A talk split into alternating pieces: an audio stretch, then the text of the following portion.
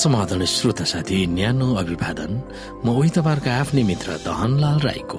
श्रोता आज म तपाईँको बीचमा बाइबल सन्देश लिएर आएको छु। आजको बाइबल सन्देशको शीर्षक रहेको छ सुन्न राजी।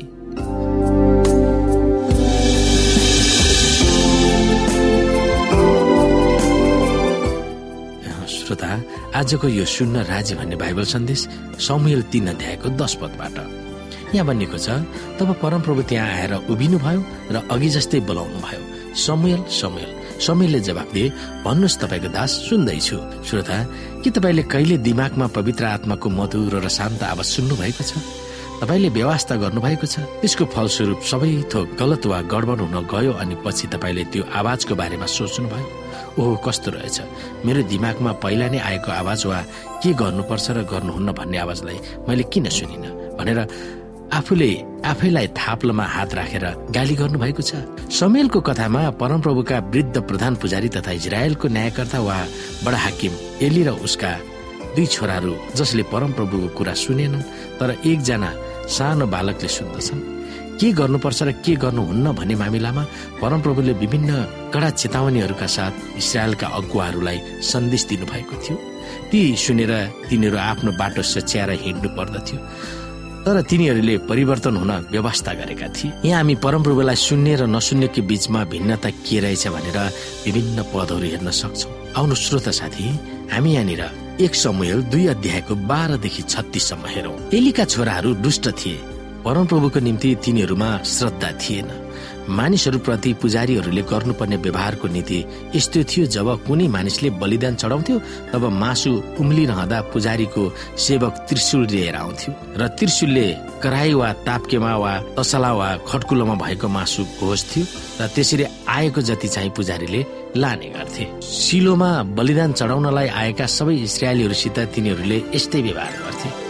बोसो जलाउन अघि नै पुजारीको सेवक आएर बलिदान चढाउने मानिसलाई भन्थ्यो पुजारीको लागि पकाउनलाई मलाई मासु देऊ। अघिबाटै उमालेको मासु तिनी लिँदैनन् केवल काँचो मासु मात्र लिन्छन्। पहिले बोसो जलाउन देऊ र तिमीले मागेको जति लैजाऊ भने यदि कुनै मानिसले जवाब दियो भने त्यस सेवकले यसो भन्थ्यो होइन त्यो मलाई अहिले नै देऊ नत्र त म जबरजस्ती खोसेर लैजानेछु। ती जवान मानिसहरूको पाप परमप्रभुको दृष्टिमा साह्रै बढ्ता भयो किनभने तिनीहरूले परमप्रभुको बलिदानलाई अवहेलना गरे। तर बालक समेल मलमलको एपद लगाएर परमप्रभुको सेवामा निरन्तर लागिरहे। हरेक साल तिनकी आमाले तिनलाई एउटा सानो कुर्ता बनाइन्। र तिनका पतिसँग वार्षिक बलिदान चढाउन जाँदा समेलको निम्ति त्यो लगिदिन्थिन्। एलीले एल्कना र उनकी पत्नीलाई आशीर्वाद दिएर भन्थे तिमीले मागेको यस छोराको सट्टामा परमप्रभुले तिमीलाई यस स्त्रीबाट छोराछोरीहरू दिउन्। त्यसपछि तिनीहरू आफ्नो घर फर्कन्थे। परमप्रभुले हन्नामाथि अनुग्रह गर्नुभयो र तिनी गर्भवती भएर तीन छोरा र दुई छोरी जन्माइन्। उता बालक समेल परमप्रभुको सामान्य बढ्न लाग्यो। एली अब साह्रै वृद्ध भएका थिए र उनका छोराहरूले सारा इसरायलीहरूमाथि कस्तो व्यवहार गर्दछन् भनी उनले सुने। भेट हुने पालको ढोकामा सेवा गर्ने स्त्रीसँग सहवास गरेका कुरा पनि उनले सुने। यसकारण उनले तिनीहरूलाई भने तिमीहरू किन यस्तो काम गर्दछौ? तिमीहरू दुष्ट व्यवहार गर्दछौ भन्ने कुरा म सबै मानिसहरूका मुखबाट सुन्दैछु। होइन मेरो छोरा हो जे म सुन्दैछु परमप्रभुका मानिसहरूका बीचमा फैलिएको यस्तो कुरो असल छैन। यदि मानिसले मानिसहरूको विरुद्धमा पाप गर्यो भने परमेश्वरले हस्तक्षेप गर्नुहोला। तर यदि मानिसले परमेश्वरको विरुद्धमा पाप गर्यो भने त्यसको पक्षमा कसले बोलिदिने? यी सबै कुरा सुने तापनि तिनीहरूले आफ्ना पिताका कुरामा ध्यान दिएनन्। किनभने तिनीहरूलाई मार्ने परमप्रभुको इच्छा थियो अनि बालक समेल कदमा तथा परमप्रभु र मानिसहरूका निगाहमा बढ्दै गए। अब परमेश्वरका एकजना दास एलिका आएर उनलाई भने परमप्रभु यसो भन्नुहुन्छ के मैले आफूलाई तिम्रो पिताको घरनाका मिश्रमा तिनीहरू फारको दासत्वमा हुँदा प्रकट गरेको थिइनँ? मैले इसरायलका सबै कुलहरूमध्ये तिम्रा पितालाई मेरो पुजारी हुन मेरो वेदीका खुट्किलामा उक्लन धुप बाल्न र मेरो सामु एपोत लगाउन छाने। इसरायलका सबै अन्न बलि तिम्रा पिताका घरानाका निम्ति अलग गरिदिए। किन तिमीहरू मैले आदेश दिएका मेरो वासस्थानको निम्ति बलिदानहरू र भेटीहरूलाई अनादर गर्छौ? तिमीले मेरो प्रजा इसरायलले चढाएका सबै बलिदानको असल भागलाई आफ्नो निम्ति राखी किन तिम्रा छोराछोरीलाई मलाई भन्दा बढी सम्मान गर्छस्? त्यसकारण परमप्रभु इसरायलका परमेश्वर भन्नुहुन्छ।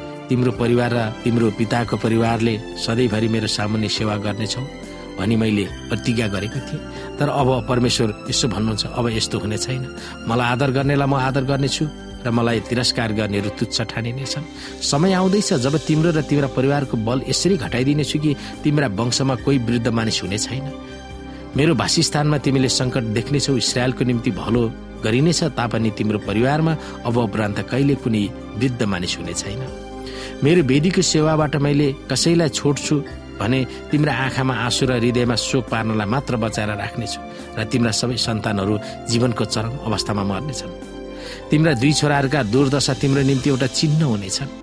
होप्नी र पिनाहास दुवै एकै दिनमा मर्नेछन्। म मेरो निम्ति एउटा विश्वासी पुजारी नियुक्त गर्नेछु जसले मेरो मनमा र हृदयमा भएको कुरा अनुसार गर्नेछ। त्यसको परिवारलाई स्थिर गराउनेछु र त्यसले मेरो अभिषिक्त मानिसको सामु उस्तो समय सेवा गर्नेछ। तिम्रा परिवारका जीवित रहने हरेकले एक टुक्रा चाँद र एक गाँस रोटी पाउनलाई तिनको सामु गएर नम्रतापूर्वक झुक्नेछ र बिन्ती गर्नेछ। मलाई कुनै पुजारी पदमा नियुक्त गर्नुहोस् र मसित खानालाई भोजनुहोस् र श्रोतासँगै हामी एक समय तिन अध्यायलाई हेरौँ। अब बालक समय एलीको अधीनमा परमप्रभुको सेवा गर्दथे त्यस बेला परमप्रभुको वचन बिरलै सुनिन्थ्यो अनि दर्शन पनि उस्तो दिइँदैन थियो। एक रात एली आफ्नो नियमित ठाउँमा पल्टिरहेका थिए। एलीका आँखा धमिला भइसकेका थिए र तिनले राम्ररी देख्न सक्दैनथे समयल चाहिँ परमेश्वरको सन्दुक भएको परमप्रभुको मन्दिरमा सुतिरहेका थिए। परमेश्वरको बत्ती निभेको थिएन। तब परमप्रभुले समयलाई बोलाउनु भयो। समयलले जवाफ दिए म यही छु। अनि दगुरेर एली कहाँ गएर तिनले भने तपाईँले मलाई बोलाउनु भयो म यहाँ छु। तर एलीले भने अह मैले तँलाई बोलाइन। जा गएर सुत। तब तिनी गएर सुते। परमप्रभुले फेरि समयलाई बोलाउनु भयो अनि तिनी उठेर एली कहाँ गएर तिनले भने म यहाँ छु। तपाईँले मलाई बोलाउनु भयो? एलीले भने मेरो छोरो मैले तँलाई बोलाइन। जा गएर सु अब समयले अझसम्म परमप्रभुलाई चिनेका थिएनन्। परमप्रभुको वचन तिनलाई प्रकट गरिएको थिएन। परमप्रभुले तिनलाई तेस्रो पल्ट बोलाउनु भएर एली कहाँ गएर तिनले भने म यहाँ छु। तपाईँले मलाई बोलाउनु भएको हो। तब परमप्रभुले यस बालकलाई बोलाइरहनु भएको रहेछ भने एलीले त्यतिखेर बुझे।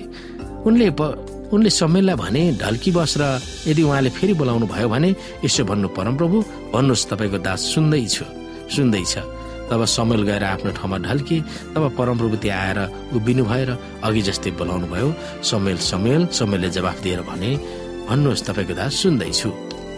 अनि परमप्रभुले समयलाई भन्नुभयो हेर म इसरायलमा चाँडै केही गर्नेछु र त्यसले गर्दा सुन्नेहरू सबैका कान झन्किनेछन्। जब त्यो दिन आउनेछ तब मैले एली र त्यसका परिवारको विरुद्धमा भनेको हरेक कुरो सुरुदेखि आखिरसम्म म पुरा गर्नेछु।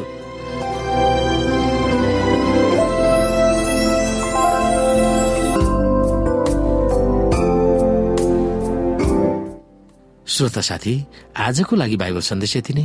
हस्त नमस्ते जय मसिंह।